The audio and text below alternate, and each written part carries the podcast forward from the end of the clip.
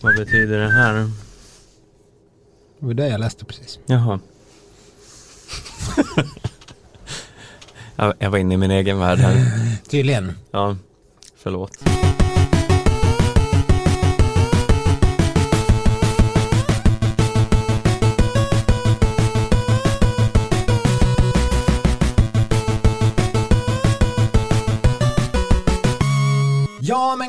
Dag och välkomna till ännu ett avsnitt av succépodden Skidsnack. Eran eh, lampa i mörkret så att säga.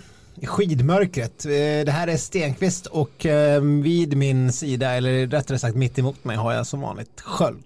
Jo men visst, och det är ju kanske inte bara vilket avsnitt som helst, det är ju faktiskt säsongsavslutning, måste vi ju tyvärr säga, eftersom nej, det finns inte så mycket mer som händer i den här världscups och övriga skidvärlden. Nej, vi har ju alltid haft lite av en, eh, vad kallar man det i tv-branschen, en öppen sluttid. Mm, Eh, och eh, det har ju då gjort att vi inte visste riktigt när, hur länge, många avsnitt vi skulle göra. Men nu känns det lite grann som i dessa coronatider att eh, Ja, att världen är inte redo för mer skitsnack just nu. nej, nog för att vi kanske skulle kunna sitta här och babbla om, eh, jag vet inte, obskyra venezuelanska skidsatsningar och Ja, sånt i verkligen. all oändlighet.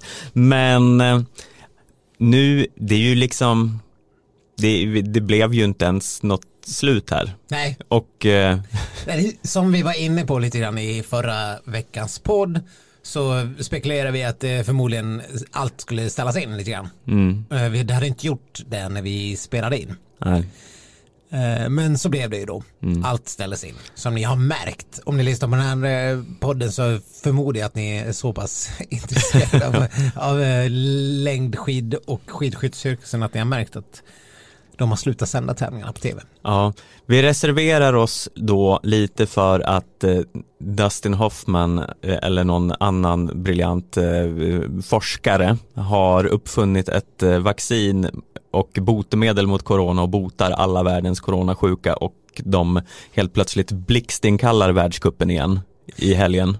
Är- Dustin Hoffman också en eh, coronaforskare? Förlåt, förklaring krävs här. Jag, eh, jag hade lite eh, pandemifeeling och kollade på filmen Outbreak i helgen Okej, och där räddar ju Dustin Hoffman världen. Eh, tips till alla Ja. så här i pandemitider. Ja, Kolla du på alla- Outbreak, den finns på Netflix. Okej, ja, jag läste eller hörde på radion att eh, Contagion Mm. Var en uh, uppe på topplistan över streamade filmer. Eh, Jag vet inte om det var på Viaplay eller något liknande. Den hade gått upp med så här 5000 procent Ja. eh, nu de senaste veckorna. Mm. Ska inte ljuga, jag har planerat att se Contagion någon dag. Har du, men du har inte sett den förut? Jo, jo, Jo, jo. såklart. Ja, Eh, så här, näst efter rättegångsfilmer så är virusfilmer min favoritgenre. okej. Det finns tyvärr inte riktigt lika många. men- Nej, nej det, det var de här, om jag ska dra en liten recap så pratar de med någon form av eh, person. Det finns tydligen forskare för allt, för han forskade tydligen i liksom hur katastrofer vi, eh, liksom eh, gest, eh, gestaltas, vad fan heter det? Yes. Gestaltas? Gestaltas. Gestaltas på film. Mm. Eh, och det fanns inte så mycket virus, uh, outbreak-filmer. Nej, Outbreak tror jag inte jag knappt har sett.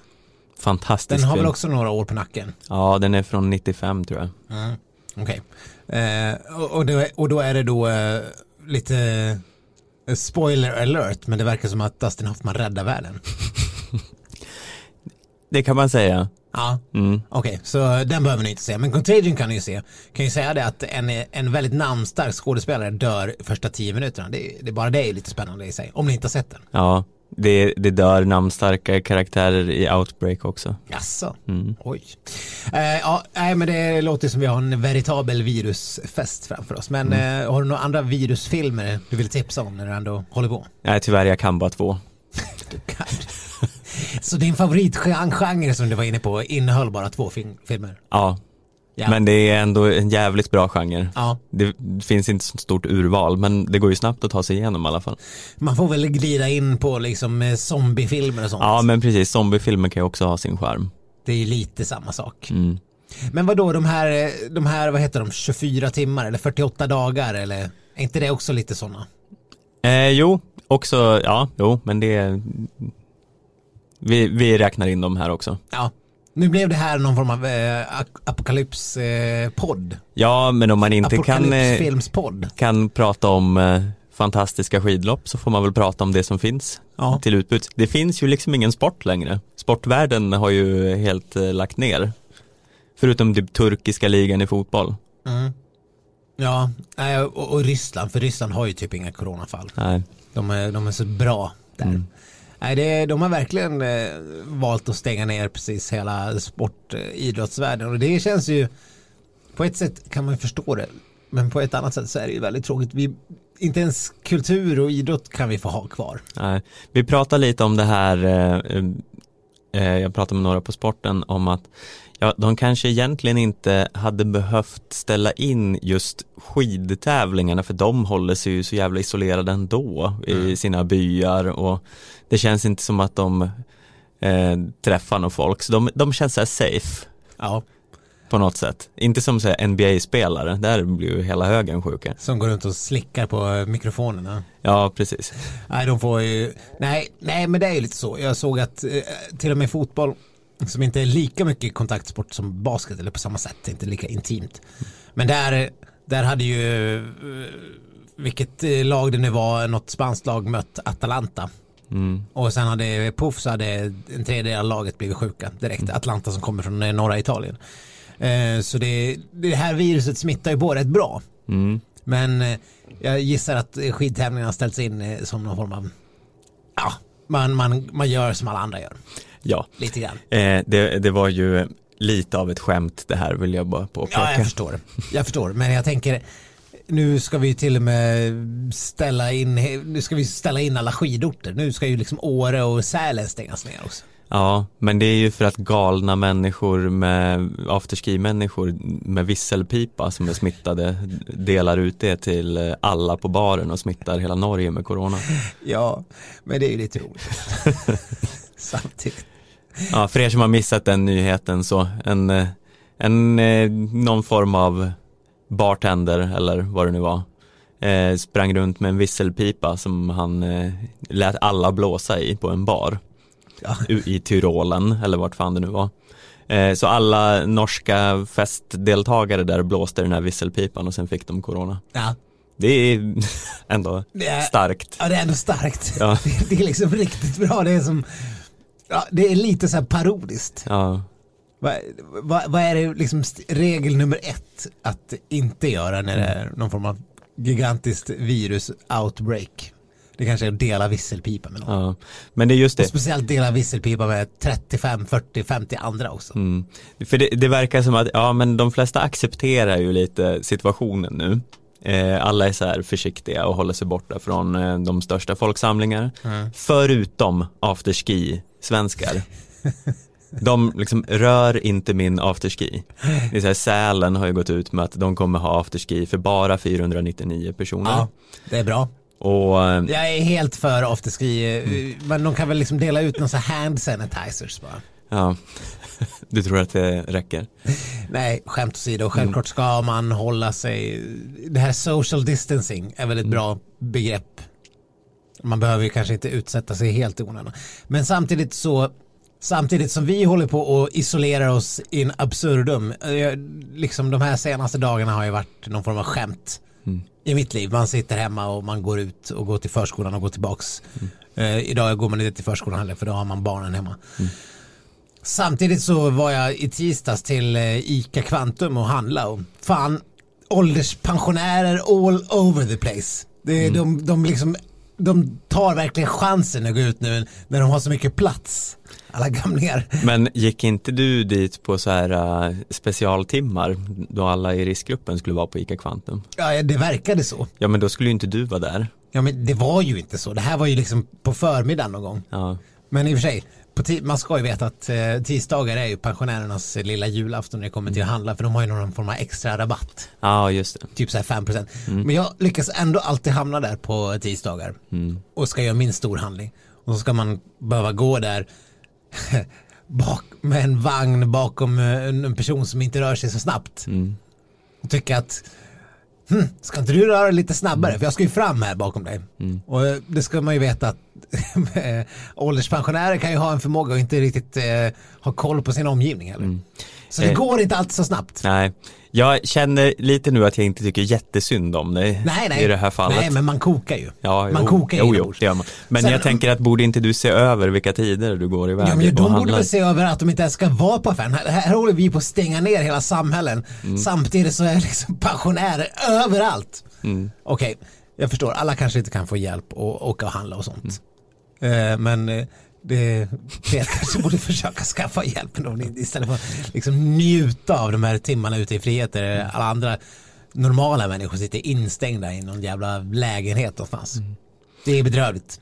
Ja, du kanske ska utnyttja de här, eh, den här fritiden, eller fritiden kanske är fel ord, eh, men eh, och bara åka ut med, med mat till alla dina konkurrerande, eh, vad säger man, medhandlare på ICA Ja. Kvantum. Kanske ska starta någon form av företag. Det borde vara en bra business just nu. Ba- alltså bara inrikta sig till pensionärer. Jaha, du ska göra business alltså, du ska inte göra det här som någon form av... Jag kör eh, William Arne-stilen. ja. Och dyrt ska det vara också, så inåt helvete. Ja, just det. Eh, vad är han? Det här uh, Sverigedemokrat eh, av fällingarna. Ja, som- alternativ för, alternativ för Sweden. Ja, som eh, säljer munskydd för 250 spänn styck. Ja, munskydd som kostar fem spänn i vanliga Ja. fall. Ja, nej vad fan. Finns det profit att göra så Mm. Då är det bara att köra på. Mm. Ja, det här är verkligen ingen skidpodd av detta. Nej, men vi måste ju fylla tiden med något. Ja, eller hur?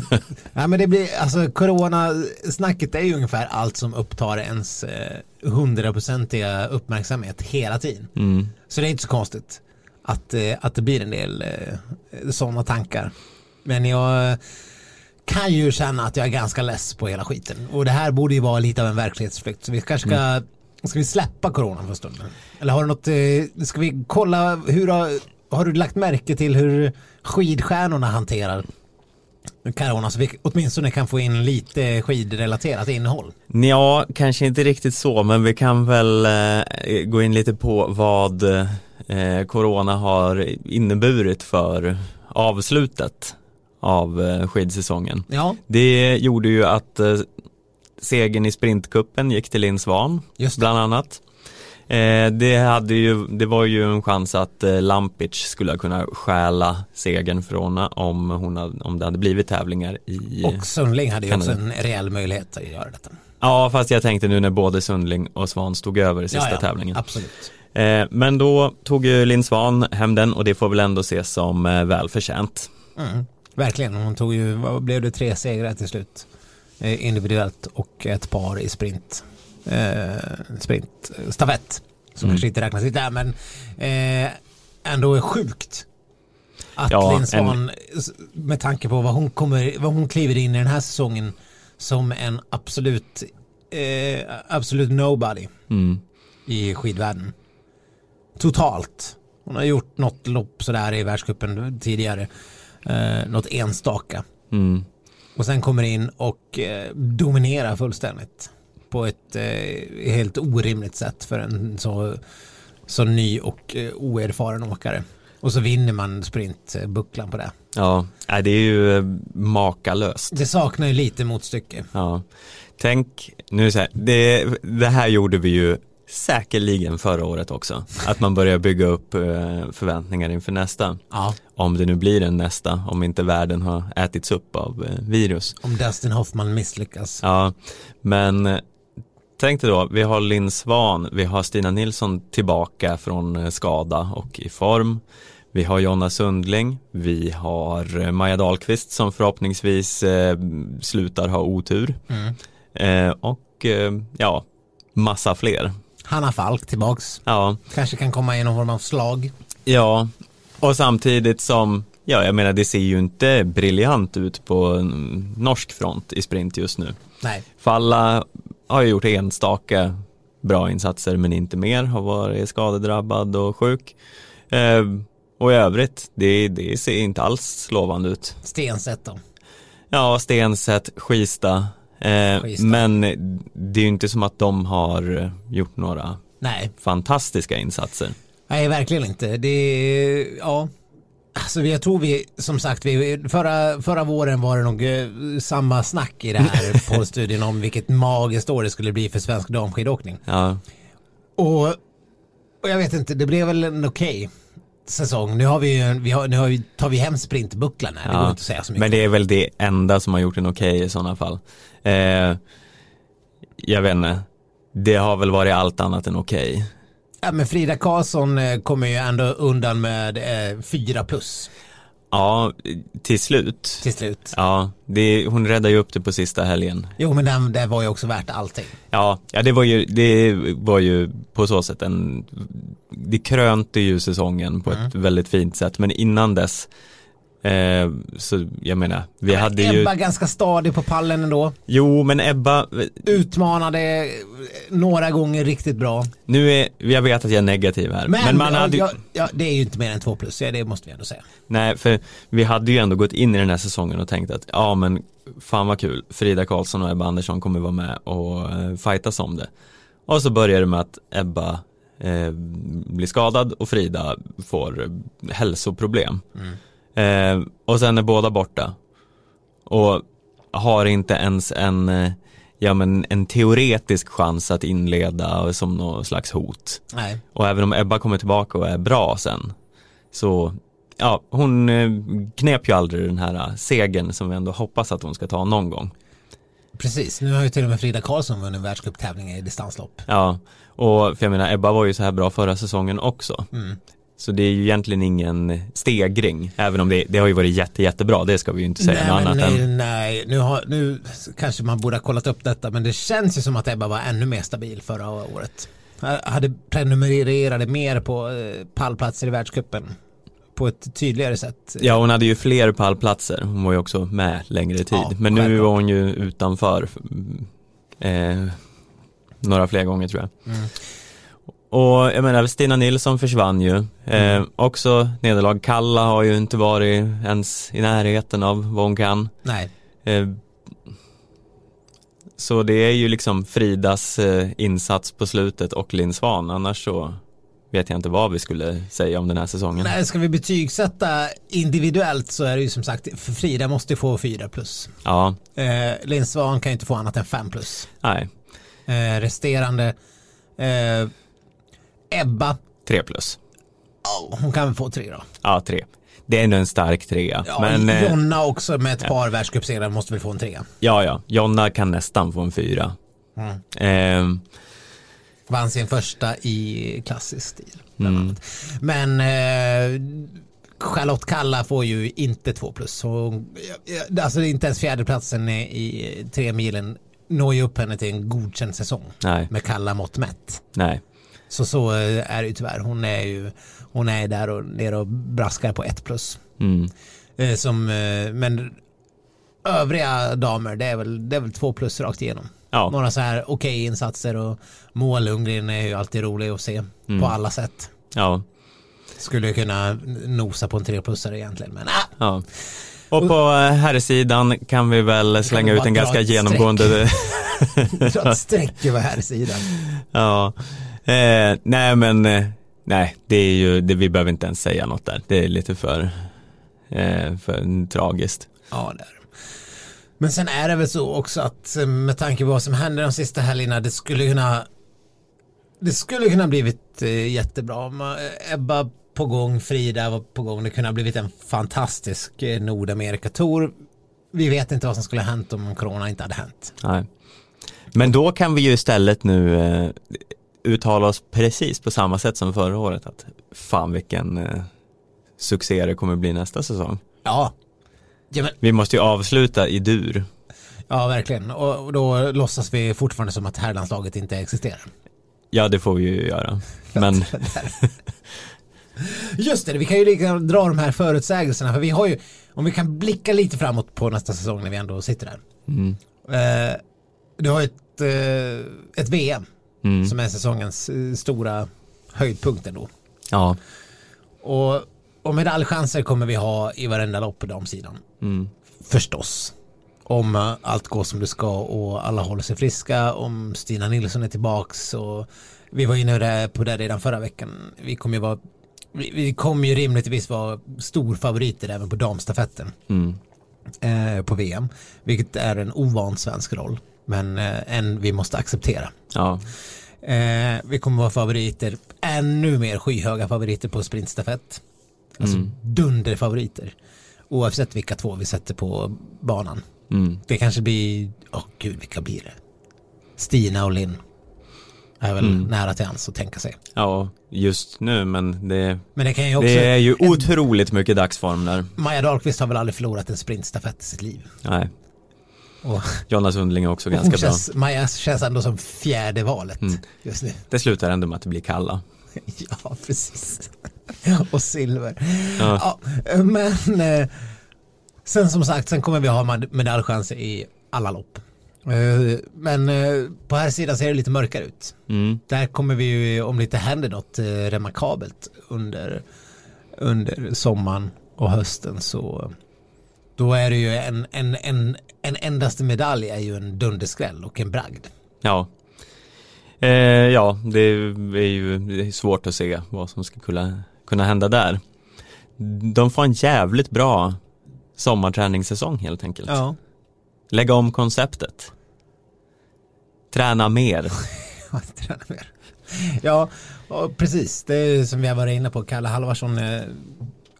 Ja, man vet ju, man skulle vilja ha insyn i hans, man skulle vilja kunna hacka hans dator och komma åt hans liksom, träningsuppläggsprogram och se och sen kunna hacka hans eh, aktivitetsklocka. Vad han Ja. har för någon typ av, alla har väl sådana här Zonto-klockor, har de Ja. inte? Ja, men alltså som vi varit inne på tidigare, in med Pichler. Ja, In med Pichler Ja, för helvete. alltså det är det- det som skulle behövas. det är ju tyvärr så. Det behövs bara en slavdrivare Mm, för, som, som får dem att göra jobbet. mm. Det, det finns ju liksom inga genvägar till den perfekta längdskidåkningen.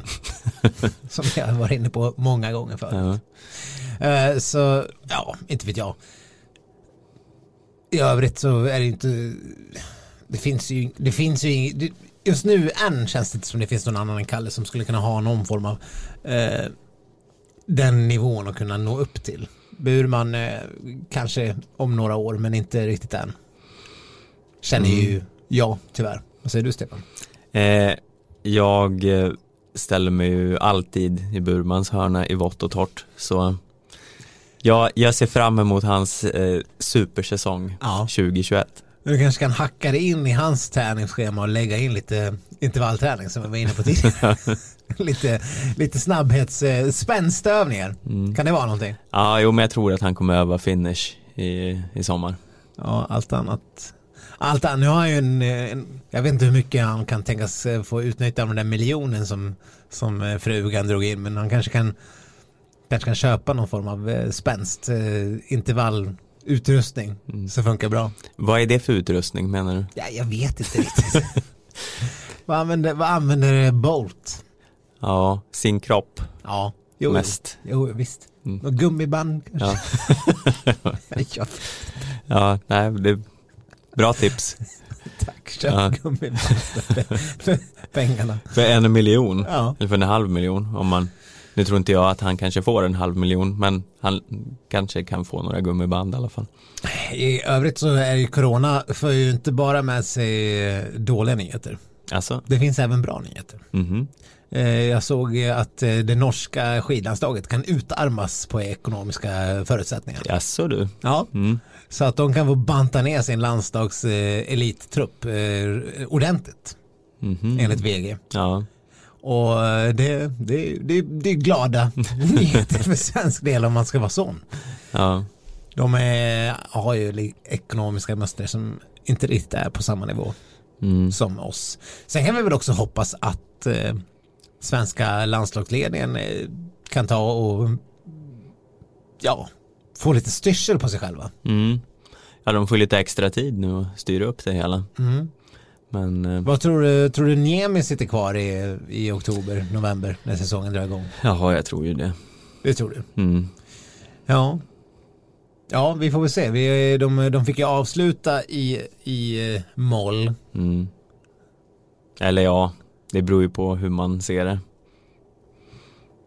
Ja. Frida, Frida Karlssons eh, succé var ju inte direkt moll. Nej, nej förstås.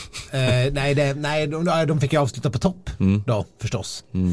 Eh, det var ju kul för dem. Mm. Men det var ju där vi konstaterade att det var ju, vi hade äntligen samma förutsättningar som de andra lagen. Ja, men jag, jag tror inte de flesta ser det som vi gör. Nej, men de kanske borde. ja. Nej, vi får väl se. Det, det känns som att det kommer behöva hända lite saker även där. Det kommer nog vara ganska turbulent. Det, det var ju förra sommaren och hösten som var som var riktigt kaotiska i lägglandslaget och det känns ju som att vi aldrig riktigt hämtade oss efter det. Nej, Speciellt med den här Frida Karlsson eh, historien som kom sen och man inte riktigt visste varken ut eller in på den. Så det var mycket, mycket stök ja, som omgärdade det svenska skidlandslaget den här säsongen.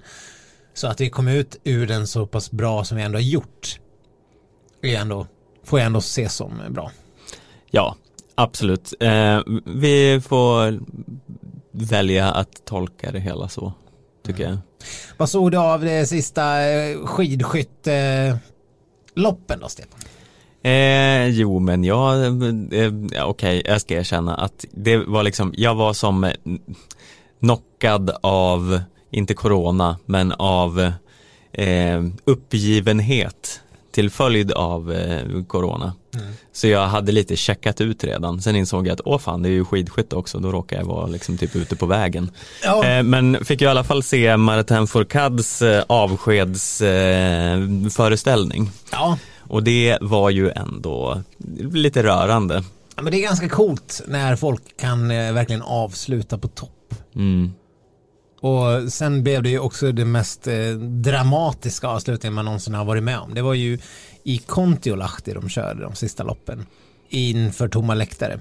Mm. Eh, vilket man kan tycka lite vad man vill om. Jag kan väl känna att det kan väl vara okej i skidåkning. Alltså fotboll och skidåkning, det är lite olika saker tycker jag. Att köra inför tomma läktare. En fotbollsmatch inför tomma läktare, det blir, det är ju som en, det är ju som någon form av död. eh, Alltså det, ja. Det, det är liksom, det är, ju, det är ju ingen mening att göra det tycker jag. Då kan man lika gärna skita i det. Mm. Men skidåkning och eh, skidskytte i det här fallet. Det är en liten annan sak. Traditionellt sett så var de ju ute i någon jävla skog 95% av loppet ändå. Mm. Eh, och visst, då kanske det var lite folk ute i skogen som det var i Holmenkollen. Mm. Eh, men det är nästan som att det går lika bra att följa på tv. Mm. Eh, och skidskytte så är det ju, då följer det med en fördel på tv. Det är ju förstås trevligt att vara där på plats också. Mm. Men eh, upplevelsen för en tv-tittare är ju ganska marginellt stor skillnad. Det är klart att åkarna känner en viss skillnad när de står där och skjuter och man hör inget jubel eller, eller i, eh, i Loginovs fall jubel när de bommar. Ja. Men, eh, men det, jag, jag kan ju tycka att eh, man kunde ha kört klart skidskyttesäsongen då. Nu ja, valde man att avsluta men det kanske är väl lite grann med det här med smittspridning inom, Mm. Inom landslaget. Ja, och eh, reseförbud hit och dit. Ja, det är ju lite ja, svårt det- att ta sig någonstans Ja, nu. det blev totalt rese. Det, nu är ju typ hela Europ- Europa on lockdown. Mm. Så det var väl bra, bra beslut att ta. Men jag kan inte tycka att det gjorde så mycket att se det utan publik när det kom till skidskytte i alla fall. Nej. Sen förstår jag att eh, Martin Fourcade när han eh, åker in på sitt sista upplopp som vinnare måste vara lite så här kymigt och inte få motta publikens jubel ens en gång. Han hade ju, han hade ju haft tid att ta en flagga och åka och Ja, high-fivea lite. ja. Nu blev det ju inget sånt riktigt. Han, han kunde high-fivea en ledare ute i spåren så jag.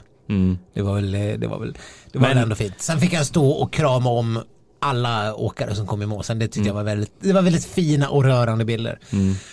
Men sen den avslutningen var ju lite av något alldeles extra också. Johannes Tegnesbö hade ju råd att vara exakt sådär långt efter Martin Fourcade som han var. Mm. Eh, För att inte tappa den totala världscupen som han hade tagit över ledningen i. Eh, Inför sista loppet så skilde det ju så få poäng att hade Bö blivit femma istället för fyra. Mm. Då var det ju, pallen var ju helt fransk, eh, vilket den har varit flera gånger den här säsongen. Mm. Eh, hade han kommit femma så hade ju alltså eh, Martin Fourcade vunnit världscupen. Det är ju helt otroligt rafflande. Mm. Hade du, eh, ja det är klart hade jag önskat att han hade gjort det. Eh, ja, Eller- absolut. absolut, det hade jag. Mm. Men sen tycker jag också det, han är ju han är ju en väldigt stor man. Mm. Eh, Inte bara liksom eh, i- som idrottare utan även som person. Han är ju en fantastisk person. Man, man vill ju bara man vill ha honom som eh, typ, ja, farbror, svåger. Jag känner honom väldigt väl. Underbar människa. Ja, men han är en underbar människa. Eh, och man vill ju bara mysa ihop med honom och sitta vid en brasa och prata hela natten. Jaså du, det var en kärleksförklaring som heter duga. Vill du inte det? Eh, ja, såklart jag skulle vilja det. Ja. ja. Ja, men- tänk, tror du inte han är fantastisk på att vara ihop med också? Han är, han är någon så omtänksam och tänker på andra och sätter andra före sig själv. Och, Mm. eller det kanske man inte kan om man ska vara elitidrottare, jag vet inte, men han verkar vara en underbar person. Ja. Så det klart jag hade unnat honom den. Men i intervjun, intervjuerna efteråt, jag hörde ett gäng olika, så eh, han lyfte själv symboliken att det var liksom fint att eh, Johannes, eller JTB, Mm. fick eh, ta det som en liksom eh, lämna över facklan på något vis. Mm. Nu var ju visserligen facklan redan överlämnad. Ja, men det blev ju ändå någon slags, för de, även om Bö har varit bättre på sistone, så har han ju ändå, han har ju kunnat hävda sig, Fourcade, ganska länge. Så de har ju gått lite parallellt, så på något sätt blev det ju ändå, Ja, han hade kan förstå den här överlämnings Ja, eh, metaforen lite. Mm, absolut. Och det, och det är så jävla coolt att avsluta sitt sista världscuplopp med att vinna. Ja, och alltså Fourcade är ju, han har ju varit med jävligt länge men han är inte så himla gammal. Så det är ju ändå, han hade ju kunnat hålla på ett tag till. Men det är ju eh, säkert också så hade han inte velat eh, bli, för han, hans eh, kurva har ju pekat neråt. Så om han hade fortsatt en säsong till hade han ju säkert varit distanserad av eh, Bö. Så det var väl, det känns ju i hans dramaturgi som helt rätt sätt att avsluta på. Ja, men som man är inne på också, nu lämnar han ju inte... När han började så var det ju, det var det ju han som snabbt blev den stora stjärnan liksom. Och har varit det i tio år. Mm. Alltså inte bara i världen utan eh, framförallt i Frankrike där. Nu lämnar ju han det som ändå är världens bästa landslag. Mm. Vilket är en ganska sjuk resa. Mm. De har ju så många namn som är, jag menar Fion Maillet och Destieux och allt vad de heter. Mm. Alltså folk som vinner och står på pallen i eh, snart sagt vartenda lopp. Eh, och stafetter och hit och dit. De fick vinna en stafett. Mm.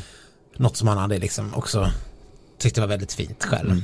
Eh, så det, är väl, det var väl jävligt bra timing att lämna också. Ja, han, på så sätt behövs han ju inte för Nej. laget. De eh, har ju så de klarar sig gott och väl utan honom. Mm. Men det är ju, eh, det är verkligen en profil fattigare i skidskyttet. Ja, men han känns lite grann som en av de här eh, sista från den Ändå nu vet jag att han är, han är ju han är inte som, som du var inne på så jävla gammal och eh, Tarjei och han är väl typ lika gamla. Ja, Eh, men det är ändå från den här äldre, alltså den här eh, äldre generationen, den här Björn Ferry, Carl-Johan Bergman, Björndalen, eh, Lars Berger, jag vet inte allt vad de heter, liksom de här Martin Fack, alltså de här gamla Jakov Fack. Jakob Fack, förlåt. Eh, det, det, det känns som att Martin Fourcade är lite av den sista som slutar nu.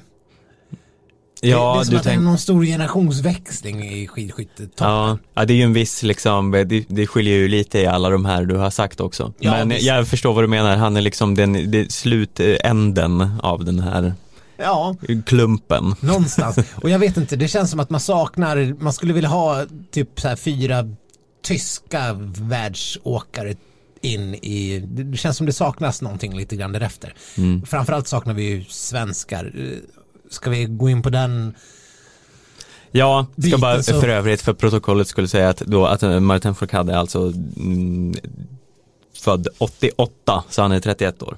Ja, ja det, är ju, det är ju liksom, det är inte, det är inte så gammalt. Nej. Det är som Johaug. Mm.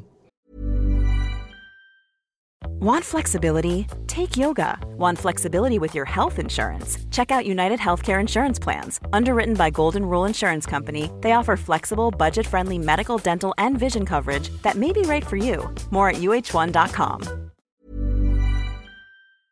Ja.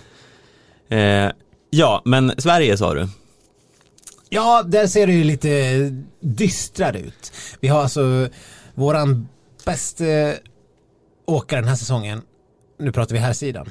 Tänker jag framförallt på just nu eftersom vi pratar om eh, som åker herråkare. Sebastian Samuelsson, jag tror han blev 28 i totalen. Mm. Och förra året tror jag att han blev 23. Nu, nu får ni inte ta mig på orden här. Men han var några pinnhål bättre förra säsongen än var den här säsongen. Och i övrigt så är det ju långt eh, borta. Eh, allt. Och vi hade ju ingen vidare stafettframgångar den här säsongen som vi haft tidigare. Förra, förra säsongen var vi ju i topp och vann och var jättebra och i nästan varenda stafett. Nu var det, nu var det någon enstaka bra och resten ganska mörkt. Och det har väl varit så lite överlag. Så här, Ponzi och Loma gör ett bra något bra lopp eh, här på slutet men i, annars fan vi får ju knappt åka massstarter längre. Nej, det är ju som, de har väl typ gjort ett bra lopp var. Det känns som Nelin hade någon bra insats. Samuelsson helt någon bra. nå- Det var ju när vi satt och lyssnade på massstarten i bilen, det, liksom, det var fyra svenskar med i massstarten helt plötsligt. Men det var ju mer undantaget som bekräftade regeln att Sverige var, ja nu var vi ganska dåliga i det loppet men eh, det, var, det var en jävla stolpe ut säsong. Mm. Och jag vet inte, Sebastian Samuelsson är ju fortfarande väldigt ung, det ska sägas. Eh, han har ju framtiden för sig. Mm. Men det är ju trist att man inte ser en fortsatt stegring i hans karriär och utveckling. Mm. Man hade kanske hoppats att han skulle kunna vara topp 20 i totalen den här säsongen. Mm. Och att han skulle haft lite mer pallfighter att snacka om. Nu har det ju verkligen inte varit så. Nej, men nu den, kommande sommaren har han ju ingen inspelning av Sverige mot Norge han behöver lägga fokus på i alla fall så kanske han kan träna på rätt saker. Ja, ja jag vet inte. Eh, sen, sen känns det som att vi har ett ganska liksom där brett lag någonstans. Då. Mm. Det finns någon sån här Nelin och någon Ponsiloma och De är ju alla liksom ganska jämnbra så det är ju när de väl glänser till så kan vi ju, det vara ganska bra.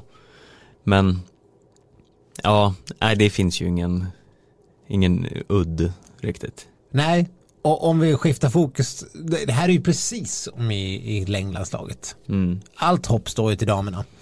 Eh, nu, ja, jag vet inte vad man ska säga, nu, nu, nu Hanna Öber var ju visserligen med och hade chansen att, om totala världscupsegern Mm. inför Kontiolahti. Mm. Vilket bara betyder att hon har gjort en kanonsäsong uppenbarligen. Ja, Sen eh, flunkade hon djur i, i första loppet i Finland så att eh, hon försvann. mm. Sköt bort sig. Hanna Öber skjuter bort sig, har vi hört den förut den här säsongen? ja det har väl hänt någon gång va? Hänt någon gång. Eh, så det är lite samma där. Eh, som för att det, varit, det känns lite stolpe ut men å andra sidan Men det är stolpe ut på en extremt mycket högre nivå. otroligt annan nivå. För de placeras ju ändå oftast ganska högt stabilt, topp 30, de flesta. Det är någon som hamnar lite ut, utanför ibland, men eh, jag menar nu senaste loppet här i helgen så var ju Johanna Skottheim eh, åkte ju upp sig i jaktstarten och var, hade alltså bästa tid Ja, av alla. Hon, Jag minns inte vad hon slutade som, sexa någonting. ja sexa, sjua tror jag de kom in hon och Mona Brorsson. Det var ju, det var ju galet bra lopp de gjorde båda två. Hanna Öberg eh, åkte väl också upp sig en del efter sin katastrofsprint. Men, eh, och sen har, men där har vi, det är en helt annan nivå. Där har vi folk som är med och fightar som topp 10 placeringar hela tiden och Hanna Öberg som är med och fightar som pallplatser eh, ganska ofta. Mm. Och är på pallen ganska ofta. Ja, och där är det mer att en vacker dag när det är fullt skytte och eh, bra situation så kan ju alla damerna egentligen vara på pallen. Alltså både Linn Persson som har varit det nu och eh, även jag, Mona Brorsson och eh, Elvira Öberg. Elvira Öberg som för övrigt blir Rookie of the Year. Mm. Ja, det kan hon väl vara värd tycker jag. Ja, verkligen. Det, det, ja, nej, det, där är ju framtiden ljus på Mm. svensk eh, skidskytte i alla fall. Så det, det får vi ta med oss. Ja, Och de har ju mästerskap hela tiden. ja, ja det blir eh, Får hoppas att det går lite bättre nästa mästerskap. ja, verkligen. Men en, eh, vi har ju en till eh, ganska prominent pensionär där. Eh, Kajsa Mäkkereinen som känns som hon har varit med sedan kejsar Augustus tid eh, går nu i pension. Eh, och hon har väl kanske inte varit med upp i, i toppen så mycket den här sista säsongen men hon vann väl faktiskt ett lopp. Eh, hon skjuter ju oftast bort sig men eh, jag vill minnas att det var under den här säsongen som hon ändå gick och vann för hon åker ju som en jävla dåre. Ja, och det var ju, det var ju så på vipplingen att hon fick åka upp sig till en pallplats i sitt sista lopp på hemmaplan. Och sen orkade hon inte riktigt på slutet. Hon åkte, hon åkte som en dåre efter sista skyttet och hade chansen eh, att bli trea. Tre eller tvåa till och med. Men eh, ja, hon, hon brände sig och kom i mål som fyra. Men eh, ja, nej, hon har väl haft en, en ganska sagolik karriär. Kanske inte Martin Fourcade nivå men hon har ju också varit eh, under perioder världens bästa skidskytt. Hon också. Ja, och hon är ändå 37 bast så det, hon har ju mm, varit med ett tag. Ja, det kan man ju få för lång och trogen tjänst om inte annat. Mm. Nej, så det är, det är väl några giganter som kliver av. Eh, Men det känns inte som det är riktigt eh, det här manfallet. Jag vet inte om det är eh, om det kommer eller om det bara har uteblivit. För jag tycker inte jag har trålat sociala medier utav helvete för att se vilka som är ska bli pensionister. Ja, vi brukar ju ha en olyck, olycklig trend av att vi spelar in och sen kommer de här pensionärerna några dagar efter. Ja. Men vårt in memorials segment blir ganska kort.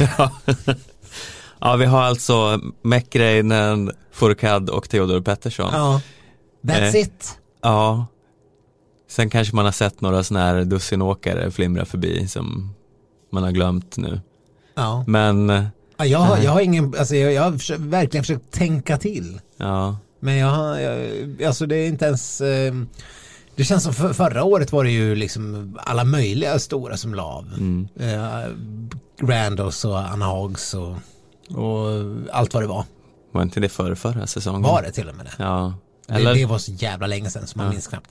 Ja. Men, eh, men jo, ja, nej, det är verkligen, eh, må- många vill eh, gärna hänga i. Som sagt, vi vet ju inte heller, vi har varit inne på det förut, om Kalla ska fortsätta en säsong till eller inte. Eh, Det har vi pratat om hundra gånger. ja. Kan jag fråga igen, vad är din magkänsla? Jo, men nu tror jag hon hänger i. Alltså, jag tror inte att det här var den här liksom plötsligt eh, avslutade säsongen. Nej. Även om Kalla kanske inte är den som söker uppmärksamheten mest av alla så tror jag ändå hon vill avsluta med någon form av, ja, någon form av något. Hon är ju ändå typ Sveriges mest populära idrottare. Ja. Och där kan man ju sätta ett frågetecken bakom Daniel Rickardsson. Mm. Han kanske har sagt det, det var kanske ingen som brydde sig. kanske ingen som skrev någonting om det. Nej. Jag har ju svårt att tro. Det är ju en, en gigant Ja. inom svensk längdskidåkning. Mm. Eh, Så att han borde åtminstone få en rubrik när han väl väljer att eh, lägga skidorna på hyllan. Ja, men jag, nu ska jag komma med en spådom som inte alls är så himla grundad i någonting, mer än bara en känsla. Till skillnad mot allt annat vi säger i den här podden. Ja. Nej, men jag vet inte, jag tror inte det kommer bli så mycket manfall nu. Men jag tror nästa säsong och näst, nästa säsong, nu garderar jag mig lite här. För att det, jag kom på att det kommer ett OS sen också. Ja. Ja, Men- har precis, det kan inte vara ett enormt manfall, manfall säsongen innan en OS-säsong. Nej, men jag tror det är liksom ja, några som eh, kanske känner att nej men det kommer aldrig gå, det är ingen idé att satsa en säsong till. Eh, kommer droppa av nästa och sen kommer en del hålla ut över eh, OS. Du tror att Sundby kör ett år till? Till Ja, men eh, typ. Mm. Eh, Johaug har vi varit inne på, hon kommer köra över OS. Allt annat är ju, vore märkligt. ja, Eftersom hon missade ett OS. mm. Förresten, Jakobsen har vi inte nämnt. Nej, Man fattar inte riktigt vad de håller på med i det här kalanka förbundet och eh, skolan mm. som hon är på. Men jag vet inte, hon kanske inte får vara med mer. Hon, kanske inte, hon har gjort slut på alla sina fri, sina hallway Sina- passes. ja. Man ser framför mig eh, sådär som i eh, amerikanska filmer när barnen lämnar en lapp för att få gå på toa. Precis. Ja. Ja, jag Men- vet inte. Nej, men, Nej men hon kanske gör sin eh, AT-tjänst nu och sen eh, får hon, är hon klar och så kan hon eh, köra till VM och sen sluta. Jag vet inte. Eller så eh, bara zonar hon ut och lägger av nu. Ja, Nej, vi får väl se. Men det finns ju en del namn som man tycker borde kunna vara redo att lägga av. Men vi har ju inte hört någonting. Nej, Man borde ju ändå kunna göra en post på Instagram när, när man lämnar någon form av besked. ja, man hade väl tänkt att typ, en sån som Colonia borde ha tagit det beslutet nu i sådana fall. Mm. Men ja, äh, vad fan vet man. Precis, vad, vad ska han, han har ju också varit världens bästa skidåkare i liksom massor av säsonger. Mm, Världens bästa, det är ju liksom en sanning med modifikation men han har ju tampat samtidigt som Petter Northug och, och, men han har ju vunnit totalen så många gånger fler, han har vunnit så många Tour de Ski så eh, liksom sett- över säsongen precis som Sundby varit på sån sjuk nivå och sen är de bara inte där längre. nej, Hur kul är det att hålla på? Undrar man lite grann. Eh, och det finns väl en, en, ett knippe norrmän till som är ändå så här börjar nosa 30 och kanske inte har de här supertopparna lika ofta som de kanske hade för några år sedan. nej. Eller så blir det som en sån som Golberg som helt plötsligt dyker upp och gör sin bästa säsong någonsin. Ja, Eh, ja. men ja visst. Vad fan vet man? det är så många av dem där som man eh, undrar varför de håller på fortfarande. Men sen dyker de upp och är Det är bara att kolla på. Häggström. Eh, Han är väl typ 28. eh, Och kommer att ha gjort sin absolut bästa säsong i karriären.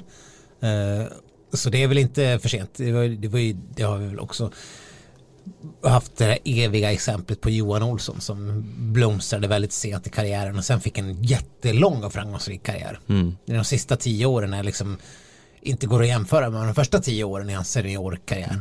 Du ser, det finns tid för Jens Burman. Ja, jag säger ju det. Mm. Han, han, hans, eftersom han är den typen av liksom Anders sig, Södergren var ju ändå bättre tidigare än Jens Burman, måste man ju säga. Eh, men eh, fan, jag säger inte att Burman inte kan ta två Holmenkollen fem milar i sin karriär också. Nej, Men eh, det är ju lite av en annan sport än det var när Södergren tog sina. Mm. Så som sagt, hem och träna intervall. det, det, är, det, det är mitt enda råd till Burman om man ska, om man ska ta det där steget. mm. Han har i alla fall inte tänkt lägga av, får vi väl anta. Nej det, det får vi verkligen hoppas. Verkligen. Ja, vi har väl bara babblat på här i all oändlighet. Men eh, vi har väl, vi, vi har ju knappt nämnt hur det har slutat i eh, världscupen exempelvis. Nej, det har vi inte gjort. Eh, eller vad då slutat i världscupen? Det är Johaug vann. Ja.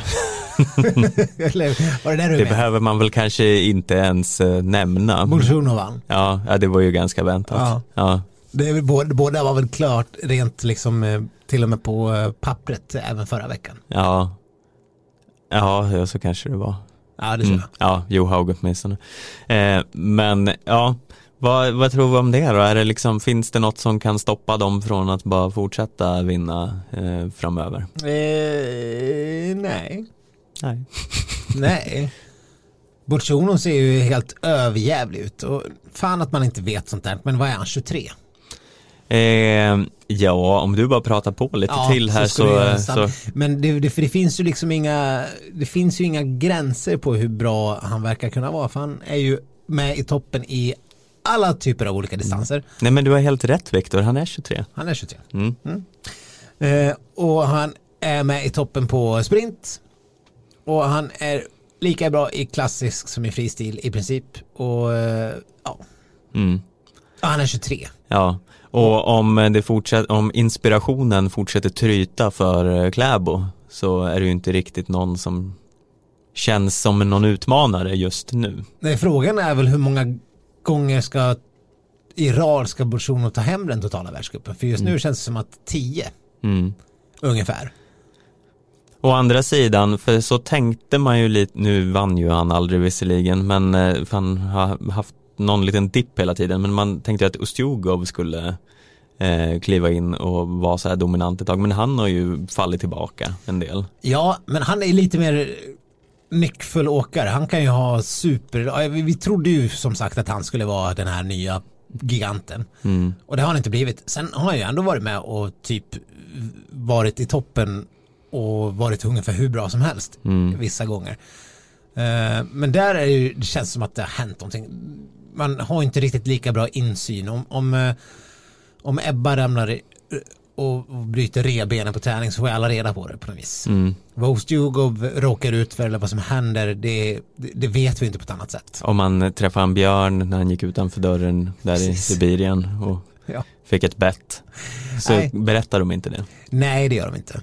Eh, men eh, Bolsjunov och ja, man måste ändå älska den här ryska teamkörnings eh, Spitsovjer Bolsjunov-staven Mm. och sånt där han bryter den och, och de åker för det det är liksom eh, det är lite som eh, cykellopp där de kör fram en åkare. Det, det finns ju något, eh, något fint i lagkörning ibland. Fast ja, Som det, när, när vi bromsar, det känns som det är väldigt bromsar selekt- fram eh, eh, Johan Olsson i, Ja. i skiatlonen där. Jo, fast det är ju väldigt selektivt det här för när var det Valnes som släppte fram Golberg eller hur det nu var i sprinten i Skitour, då var vi ju inte så glada.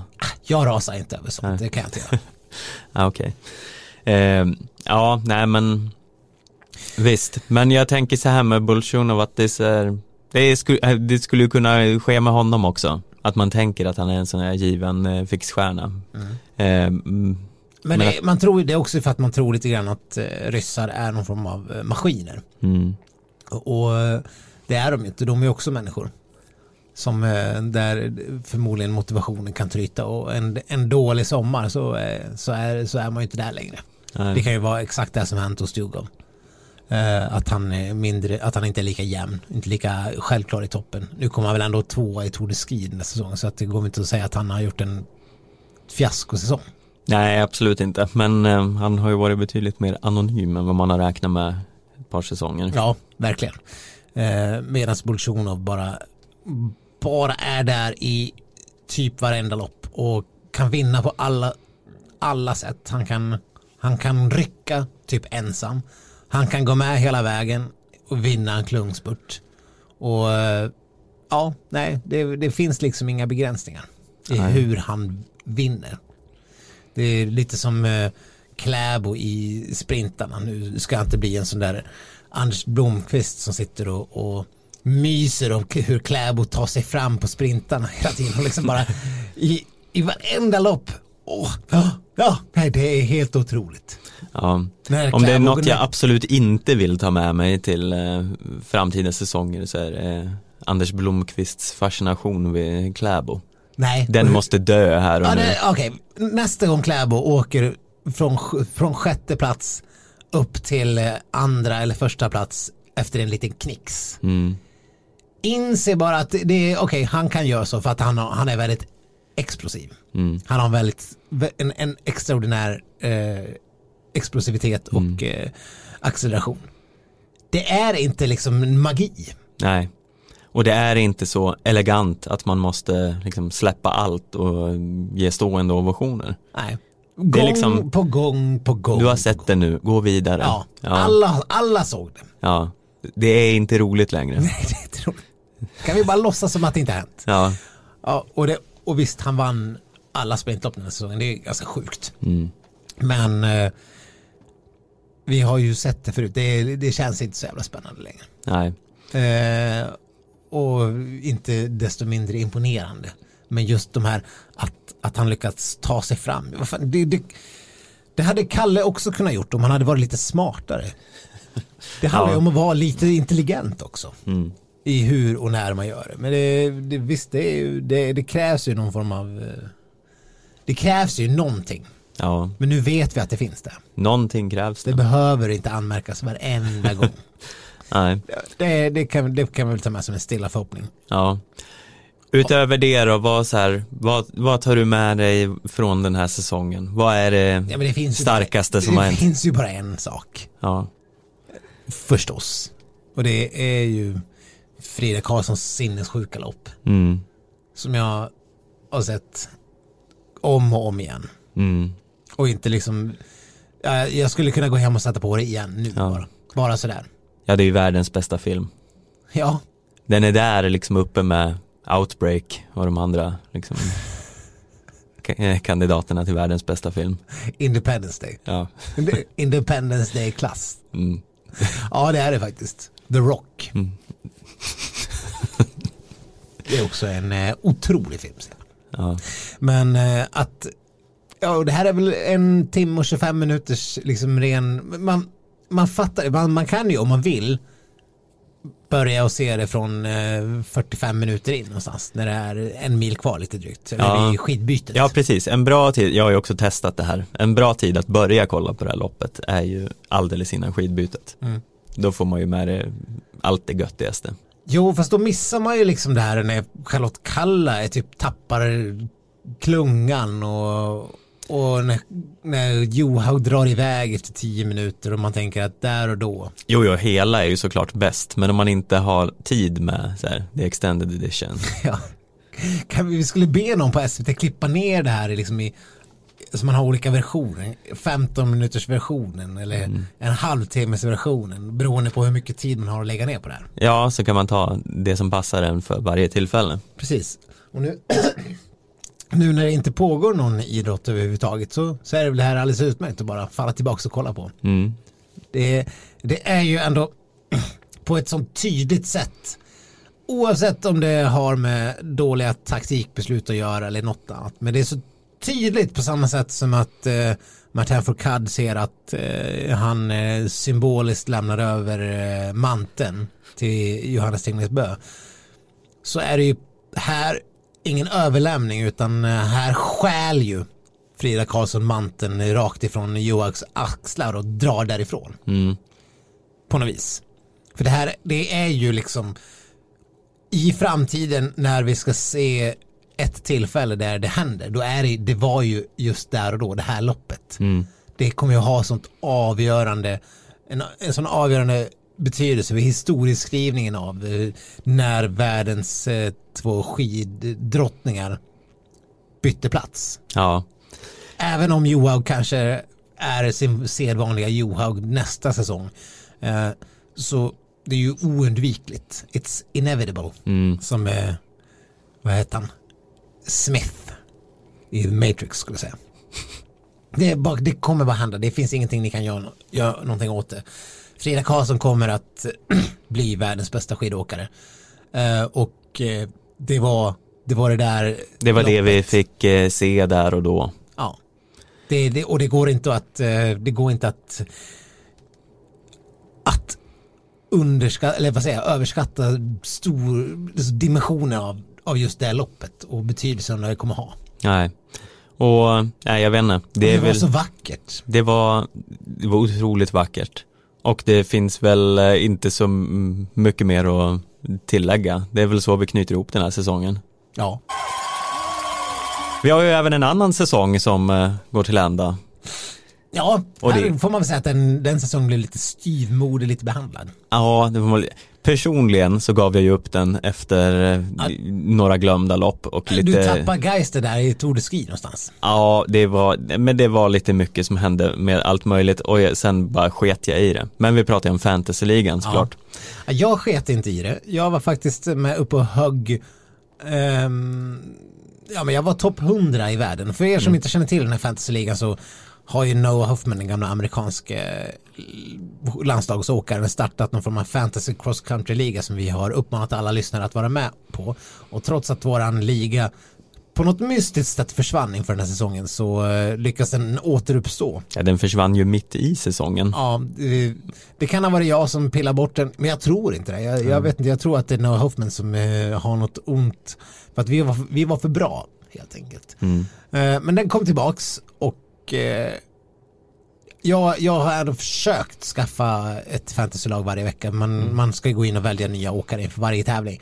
Det är ju det är inget man bara hafsar bort. Nej, men hörru du, jag scrollar och scrollar och scrollar här men jag hittar dig inte. Nej, jag tappade det på slutet. Jag låg som sagt topp 100 i världen. Nu handlar, hamnar jag till slut utanför 200 positionen till och med till slut. Så att det, det, det blev, jag hade också missat något lopp. Mm. Och då, då, det har man tyvärr inte råd med. Men va- vart i skidsnacksligan slutar du? Ja, men neråt 25-30 någonstans där någonstans. Eller kanske ännu längre ner. Ja, jag vet inte, jag som sagt ser det inte Ja, ens. Men, 35 ja. ja, okej. Eh, Tyvärr bakom uh, Clutes Bitches, Clutes Bitches och The Rabid Elks som är Ja. min syster och svåger som precis är före mig. Mm. Förresten min syster hälsar att hon har fan aldrig stulit någon McDonalds brickor. Det var en lögn och förbannad dikt. Okej, ja, ja. ja det, var ju, det var inte jag som sa det. Så, Nej, det kanske Nej. inte var. nej, Men inte vet jag, det känns som att hon kunde lika gärna ha gjort det. mm, okej. ja, nej men upprättelse här då. Ja. Men eh, ja, det finns ju vissa som har varit engagerade i den här ligan i alla fall. Det har varit väldigt tajt uppe i toppen. Ja men verkligen, Fler- lag över 25 000 och eh, när man är uppe i toppen på skidsnacksligan då betyder det att då är man faktiskt i toppen på hela jävla, eh, ja alltså inte topp-toppen men man är ju uppe och hugger på väldigt framskjutna placeringar överlag. Mm. Men vi har ju som vana att eh, eh, ja, men uppmärksamma topp eh, tre Mm. som, eh, som får ett litet fint pris för mödan. Mm. Och eh, vi har faktiskt en ny segrare i år. Vi Ja. har ju haft en prenumerant på segern tidigare så det, det är kul att någon annan är där uppe och hugger. Men vi börjar väl kanske på tredje platsen då. Ska vi ta topp tre? Vi tar topp tre. På tredje plats, team Kung Carl Gustav Can You Hear Me. 25 100 poäng, mycket Mm. bra jobbat. Mycket bra. Andra plats, en gammal klassiker. Eh, Stinas caesarsallad, Ja, bra jobbat än en gång. mycket bra. Mm. Men på en hedrande första plats. Ja. Eh, nu ska vi se, måste eh, stretcha mungiporna Ja. lite. Dialektisk materialism Ja. eh, är vinnare av Skidsnacks fantasyliga i år. Ja. Eh, stort, stort grattis. Ja, Potatisblast är användaren som har skapat det här och eh, om man ska se till världs, eh, världsligan så dialektisk materialism är femma. Oj, oj, oj. Det kanske till och med innebär eh, priser från internationellt håll. Kanske. Eh, det, där, däremot så verkar de tävla för Kina. Jaha, Så jag vet inte. jag vet inte vad det är för, för kinesiska troll som har lyckats leta sig in i skidsnacksligan men ja, Potatisblast kanske bara på skämt Ja. säger att eh, hen är från Kina. Det, ja. det förtäljer inte historien. Jag kan säga att Stina caesarsallad blev sjua i totalen. Mm, Eh, också ganska bra jobbat. ja. Så grattis till er. Grattis till er och eh, eh, gör som så att ni skickar oss ett mejl på skidsnack.aftonbladet.se där ni eh, skriver er adress, eh, namn och adress. Eh, ni hörde kanske precis Viktors mage kurra här så han tar en kaka så för att dämpa Den mest akuta hungern. ja, Jag tar, här i dessa coronatider så på Aftonbladets redaktion står det lite så här Vasa sandwich och kakor och grejs. ja, de här kakorna får man ju ta ur gemensam burk, det är inte så coronasäkert men Så jag, jag tog en stödbondkaka här precis för att kunna klara av sista bitarna på den. ja, Men köpebondkakor, det är inte riktigt vanliga bondkakor. nej det är inte supergott. Nej, Men det finns drömmar och chokladsnittar i andra pentryt. köpedrömmar brukar vara ännu värre. Ja, men de här var ganska bra. Ja, men för vanliga drömmar, de ska ju liksom smälta i munnen. Mm. Köpedrömmar brukar liksom vara för mycket knister. Ja, det är ju inte som riktiga drömmar, men de är okej för att vara köpdrömmar. Ja. Hur som helst, sidestep här. Ja. Eh, eh, kontakta oss med eh, eh, ja, kontaktuppgifter så kommer ett fint pris så småningom. Ja, eh, och vi har ju dessutom ytterligare en tävling som vi kör varje år. Måste säga att eh, nivån har varit bättre förut. Ja, vi brukar utse bästa lagnamn och vi har suttit och våndats över detta. Alltså Men- det, fin- det finns mycket bra namn, lagnamn där ute. Det finns mycket bra namn, men det finns inget riktigt 5 plus namn. Nej. Det finns ingen som når upp i fjolårsvinnaren eh, Gleb Rättviks eh, eh, standard. Nej, det gör det faktiskt inte. Och jag, jag förstår ju att folk som har, som har valt, eh, alltså vi har ju många gamla klassiker här som, eh, som, eh, som ligger kvar. Astmabussar och, och he, he, Team Hem och Hes och Ulf Klister Ostbåge, eller vänta, Squadra di Hem och Hes. Eh, Sundbys Tramp Stamp. Och, och ni, men vi, man måste faktiskt komma på ett nytt namn. Det här är, om man ska kunna vara med och tävla i den här klassen bästa namn.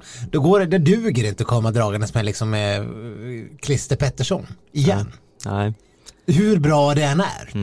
Christer Pettersson är ju liksom eh, objektivt sett ett otroligt, det är ju ett 5 plus namn. Mm.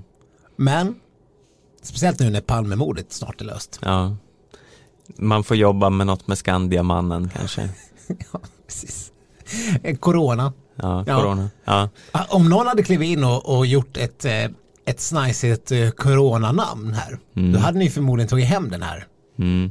För det, det är aldrig för sent att komma på det perfekta lagnamnet. Nej, man kan ju byta dagen innan. Ja. Igår kunde det bli. Men alltså bästa lagnamnet har vi en, har vi en plats för. Ja, och eh, vi har väl eh, helt enkelt kommit fram till tre som eh, får tävla om den här titeln. Eh, vissa återkommande, eventuellt sen tidigare, men vad fan, får vara med ändå. Ja, vi, vi gör något form av undantagsfall. Men läs upp de tre.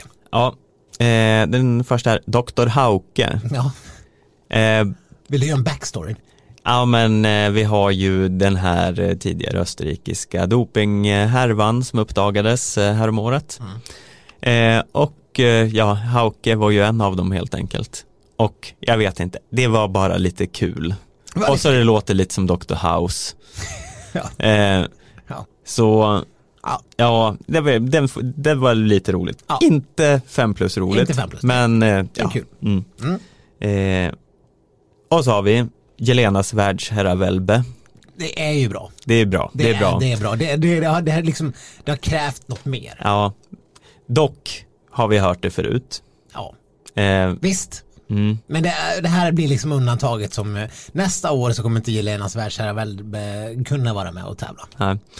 Och eh, så har vi The Anders Södergren Appreciation Society. Eh, Den, alltså, den är ju den är ju inte så här vitsigt rolig utan den är bara bra. ja, det är bara liksom fint. Bara, Man bara- fäller en liten tår. Ja, vem och Anders Södergren, ja, alltså där, där snackar vi person som det inte finns. Om vi pratade högt om Fourcade förut. Alltså Anders Södergren får ju Fourcade att eh, verka som eh, Mussolinis och Stalins och Hitlers eh, genmanipulerade barn. Så pass eh, gemytlig verkar ju Anders Södergren. Ja, Eller hur? jo, verkligen. Alltså det finns ju, alltså slå upp ordet trevlig så är det ju eh, Anders Södergrens eh, glada föräldrar på bild på ett litet, en liten Anders i famnen. Där har vi, jag, jag, ser, jag ser att hela Södergrens släkten måste vara eh, något otroligt. Ja. Så där någonstans, eh, det namnet gillar vi också. Ja. Så, ja jag vet inte, vi ska väl inte dra så mycket mer på det.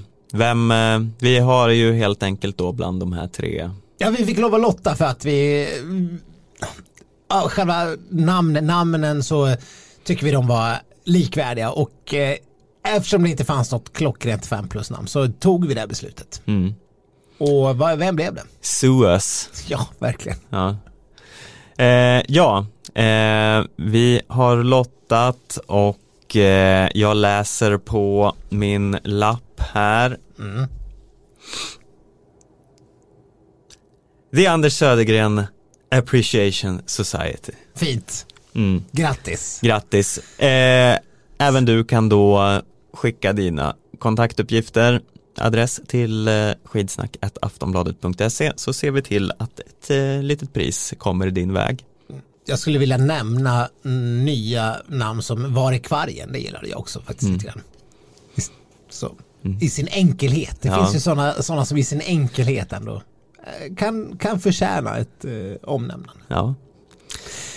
Revenge of the Swix Lord. Mm. Samma där. Alltså ni har det ju i er. Eh, det, det behövs bara det där sista steget upp till 5 plus. ja, vi är hårda här men eh, rättvisa. Jean-Pierre Skogsberg gillar vi också. Mm. Ja, det ni ser, vi har världens bästa lyssnare, det har vi varit inne på förut. Och skitsnacksligan var ju över, det var hundratals lag trots att vi försvann mitt under säsong. Sjukt att ni är med. Ja. Eh, I övrigt så är det väl eh, dags att runda av säsongen, men eh, om jag känner oss rätt så brukar vi ju inte dröja allt för länge med de här mellanspelen. Nej, ibland lite längre än, än annars. Ibland Men- kommer de från USA. Ja, ibland kommer de från USA. Ibland eh, dröjer de till oktober. Vem Verkligen. fan vet. Vem fan vet? Men ja, eh, det har varit eh, trevligt än en gång. En fin säsong även om skidsäsongen har varit två plus Ja. på sin höjd. Och den Eh. här, liksom, det här coronaviruset satte lite smolk i glädjebägaren mot Ja. slutet får man väl säga också. Men eh, ni får hemskt gärna kontakta oss eh, eh, även under mellansäsong. Vi finns på Instagram och eh, Facebook främst som skidsnack och mejla oss på skidsnack.aftonbladet.se så fort ni upptäcker något kul som eh, vi borde mm, ta i beaktande inför framtiden. Eller eh, bara kom med eh, fina tillrop och säg hur duktiga vi är. Ja. Inte alls fel det heller. Nej. Eh, ni kan även gå in på iTunes och ge oss en eh, liten 5 plus recension om ni vill. Mm. Fem stjärnor heter det på iTunes förresten. Sen kan ni väl hålla utkik om det dyker upp någon form av rullskidsnack eh, sen. Ja, Vad det lider. ja, vem vet. Vem vet? Vi kanske får abstinens. Vattenskidsnack. Ja. Vi har ju varit inne på en del förut. Mm. Ja, Men... men OS-sommar, det kanske blir, vi kanske börjar snöa in på skytte helt plötsligt. ja, Ragnar Skanåker-snack. ja, det finns något som heter falling target i OS. Alltså, Ja, som, dubbeltrap. Nej, det är bara något när de skjuter mot någon tavla som faller ner. Ja. Ja, det, är- det är ju nästan som skidskytte så att vad fan. Ja. Why not? Ja.